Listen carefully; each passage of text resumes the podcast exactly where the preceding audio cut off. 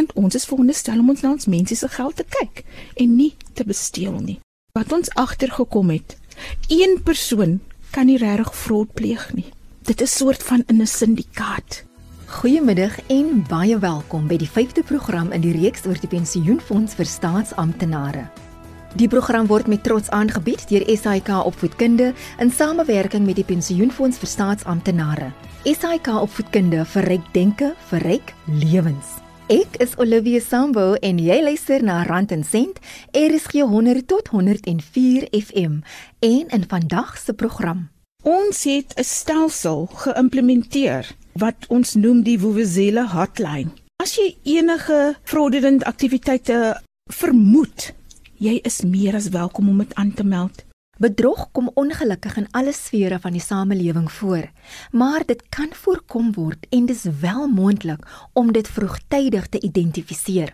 Volgens die Suid-Afrikaanse Bedrogvoorkomingsdiens is vervalste dokumente die mees algemene vorm van bedrog en bedrog deur verbruikers soos ek en jy is die tweede mees algemene misdaad wat aangemeld word in Suid-Afrika.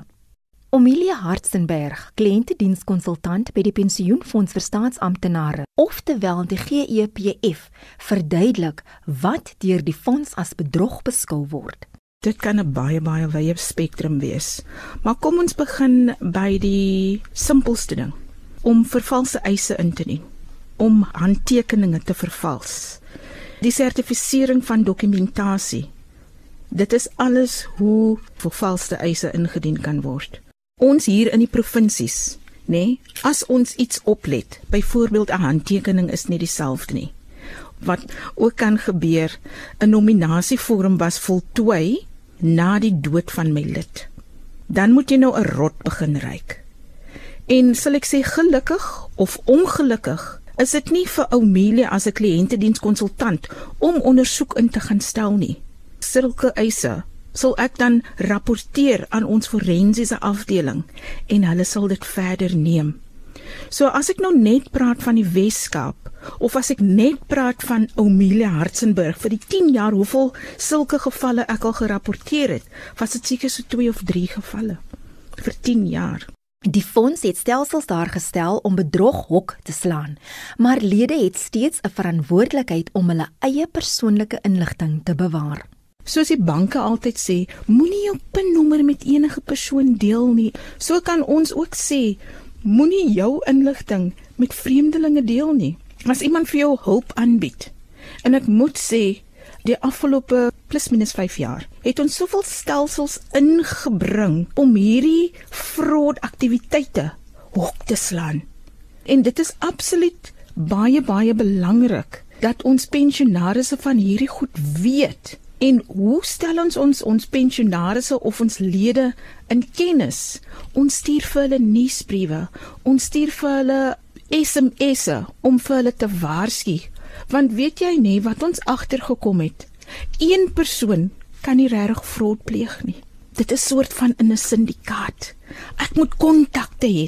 Sê byvoorbeeld iemand gaan dood of iemand wil 'n doodseis fraudulent inhandig. Ons gaan nodig hê 'n doodsertifikaat. Nou enige Jan Rapp en sy maat kan nie 'n doodsertifikaat produseer nie. Jy moet 'n bankrekening hê in 'n 'n beneficiary se naam. Nie enige Jan Rapp en sy maat kan 'n bankrekening oopmaak namens 'n ander persoon nie. So een persoon volgens my kennis kan nie alleen so iets soos die Engelsman sê ofpool nie. Dit is baie meer gekompliseerd as dit. Die eerste ding wat jy kan doen as jy bedrog vermoed, is om dit aan te meld. Ons het 'n stelsel geïmplementeer wat ons noem die Vuvuzela hotline. As jy enige fraudulent aktiwiteite net vermoed, jy is meer as welkom om dit aan te meld. Jy mag dit aanmeld en nie sê wie jy is nie. Maar wat baie baie belangrik is, jy ken mos die, die W's, nee, the where, the when and the what. Jy moet ten minste vir ons dit kan sê. Wie dit is wat jy vermoed, hoe die persoon te werk gegaan en so voort, sodat die ondersoek geloods kan word en diegene wat hulle self daaraan skuldig gemaak het, ook geslaan kan word. Daar is 'n tolvrye nommer wat mense kan bel wat ons noem die hotline number Das tot op 'n e-posadres. En weet jy al die inligting is beskikbaar op ons webtuiste. Niemand hoef te sê ek het nie geweet nie. As jy vermoed Amelia is besig met donker dinge, rapporteer haar, want sy is nie op die regte plek nie want ons is veronderstel om ons na ons mense se geld te kyk en nie te besteel nie. En kan 'n privaat maatskappy namens 'n lid dokumentasie by die fonds inhandig? Weet jy deesdae, meeste van ons as ons nou praat van uitdienstree vorms, het sy dit 'n bedanking of 'n aftrede of 'n dood is, nê? Hierdie tipe vorms word deur die en hoor nou nou mooi, nê, personeelbeamptes ingehandig elektronies. So 'n derde party kan dit nie inhandig nie, mag dit nie inhandig nie. Want um, ons aanvaar geen dokumentasie as dit kom by uitdienstredes direk van lede af nie, as ook nie van derde partye nie. Dit moet deur 'n sekere stelsel, elektroniese stelsel ingehandig word.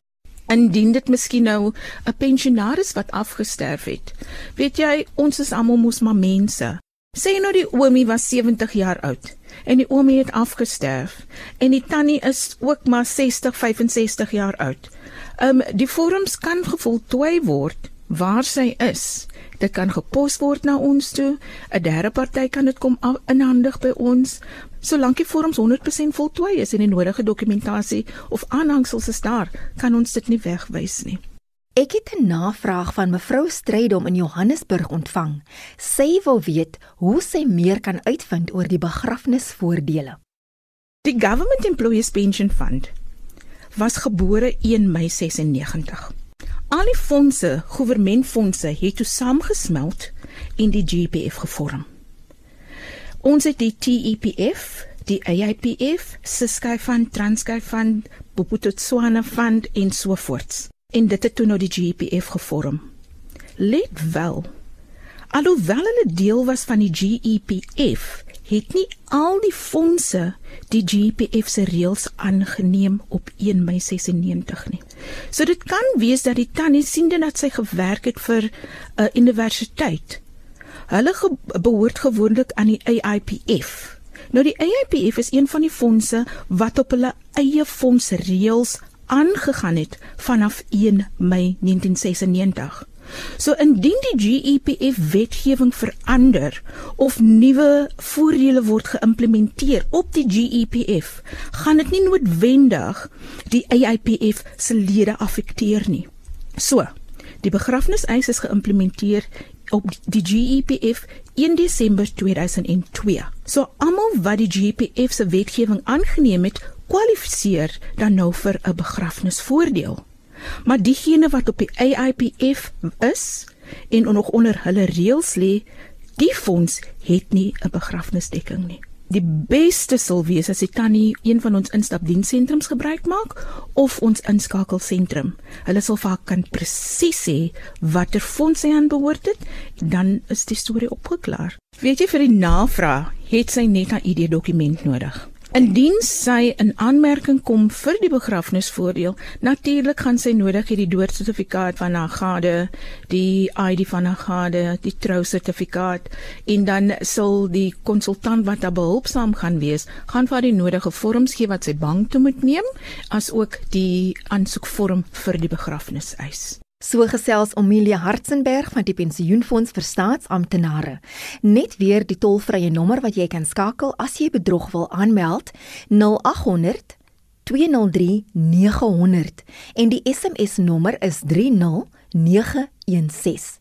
Vir enige vrae of inligting oor die program, stuur 'n e-pos na randencent.rsg@gmail.com. Jy kan ook 'n WhatsApp teks of stemboodskap stuur na 0765366961. Luister ook aanlyn by www.rsg.co.za waar jy die program kan aflaai deur die potgooi skakel te volg. Jy kan ook inskakel op die DStv kanaal 813 en volg ons ook op Twitter, Facebook en YouTube. Dit is die maand Desember, die maand van vakansies, geskenke en partytjies.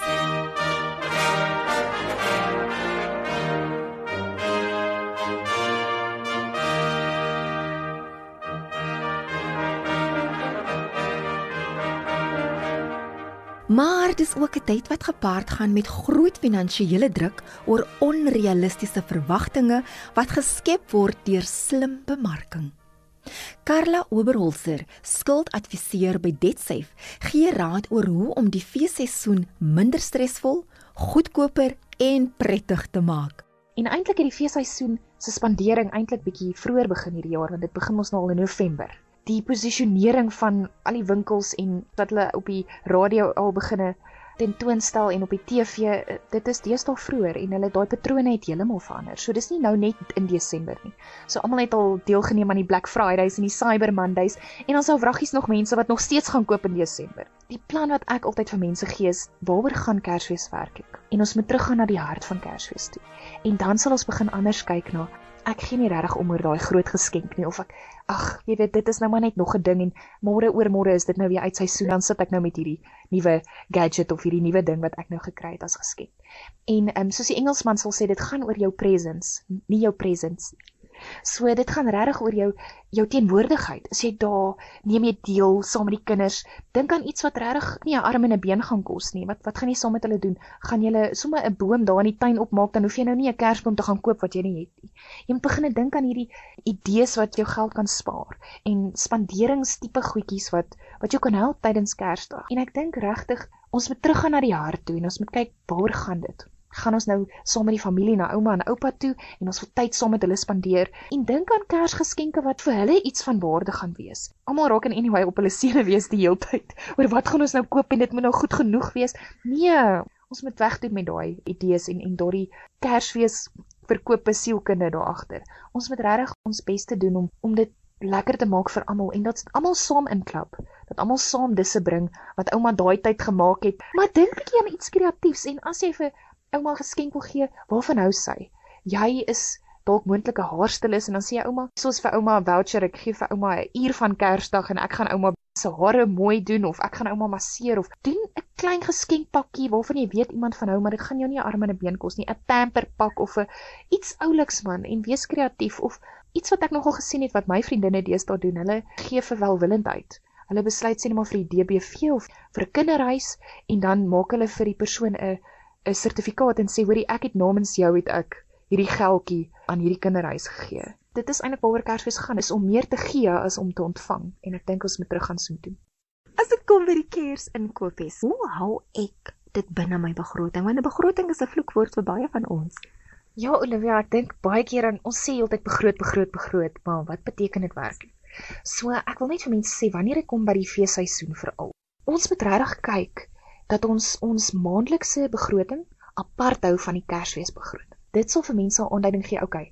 Ek het nog steeds my Desember uitgawes, nog steeds my langtermynbeleggings wat ek moet weet inbetaal en my debietorders wat moet afgaan en die huur wat moet betaal word en al die. Maar apart van dit is die Kersfeesbegroting wat ek het. En dan is sluit dit nou sê net maar in, sê net maar daar's vervoerkoste.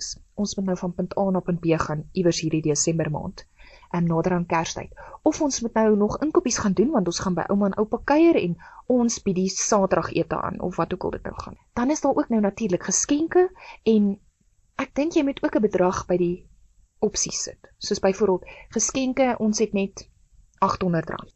En ek dink Ehm um, dit is so baie oulik vir al die mense op vakansie gaan en hopelik het mense nou al voorberei en hulle doen dit nie op last minute nie want dit sal net verkeerd wees vir jou sak en jou beursie maar ehm um, laat hulle soos 'n 'n bottel op die kombuistafel sit en dan sê hulle okay, ons het nou vir hierdie reeds betaal, die verblyf is afgehandel, ons moet nou nog hierdie 'n paar rande of wat ook al inkry en dan sit die jar daar, as mense dit nou so kan sê, jammer vir die Engelse woord, maar dat mense hulle R5 of wat ook al of al die klein geld dan daar begin ingooi.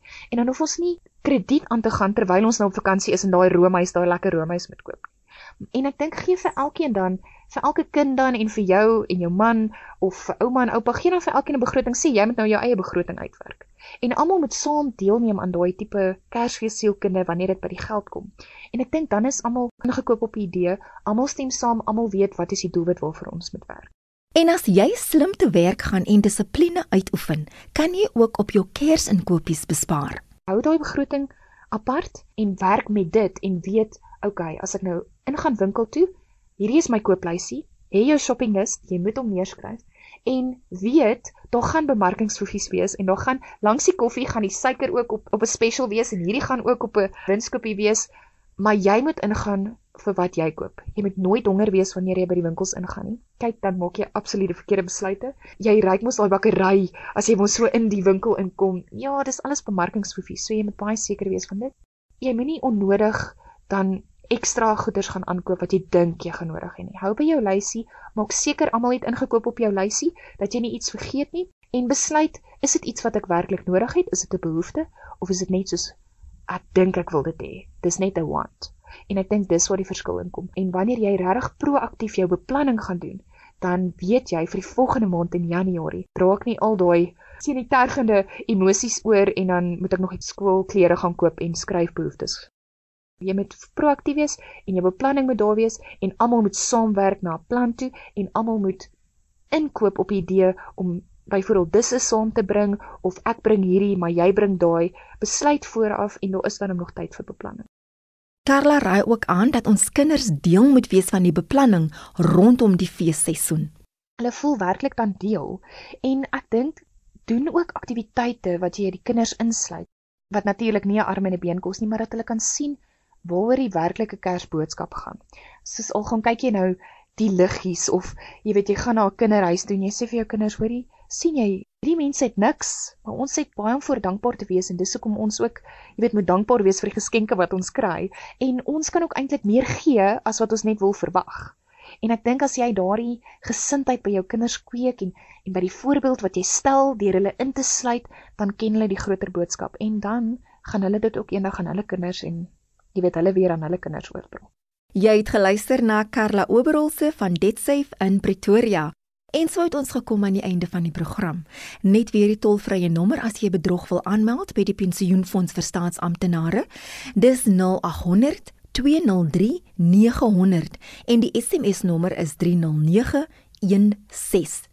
Onthou vir meer inligting oor die pensioenfonds vir staatsamptenare, kan jy na enige van hulle instapsentrums gaan in enige van die 9 provinsies. Jy kan hulle ook besoek by een van die 7 satellietkantore of jy kan die tolvrye nommer skakel by 0800 117 669. Dan kan jy ook 'n e-pos stuur na inquiries by gepf www.gepf.co.za of besoek hulle webtuiste by www.gepf.co.za en jy kan ook op Twitter met die fonds in aanraking kom. Skakel gerus weer volgende week in wanneer ons oor onopgeëiste voordele gaan gesels. Dis totsiens van my Olivia Sambo tot volgende Sondagmiddag om 4uur hier op Brand & Sent RSG 100 tot 104 FM.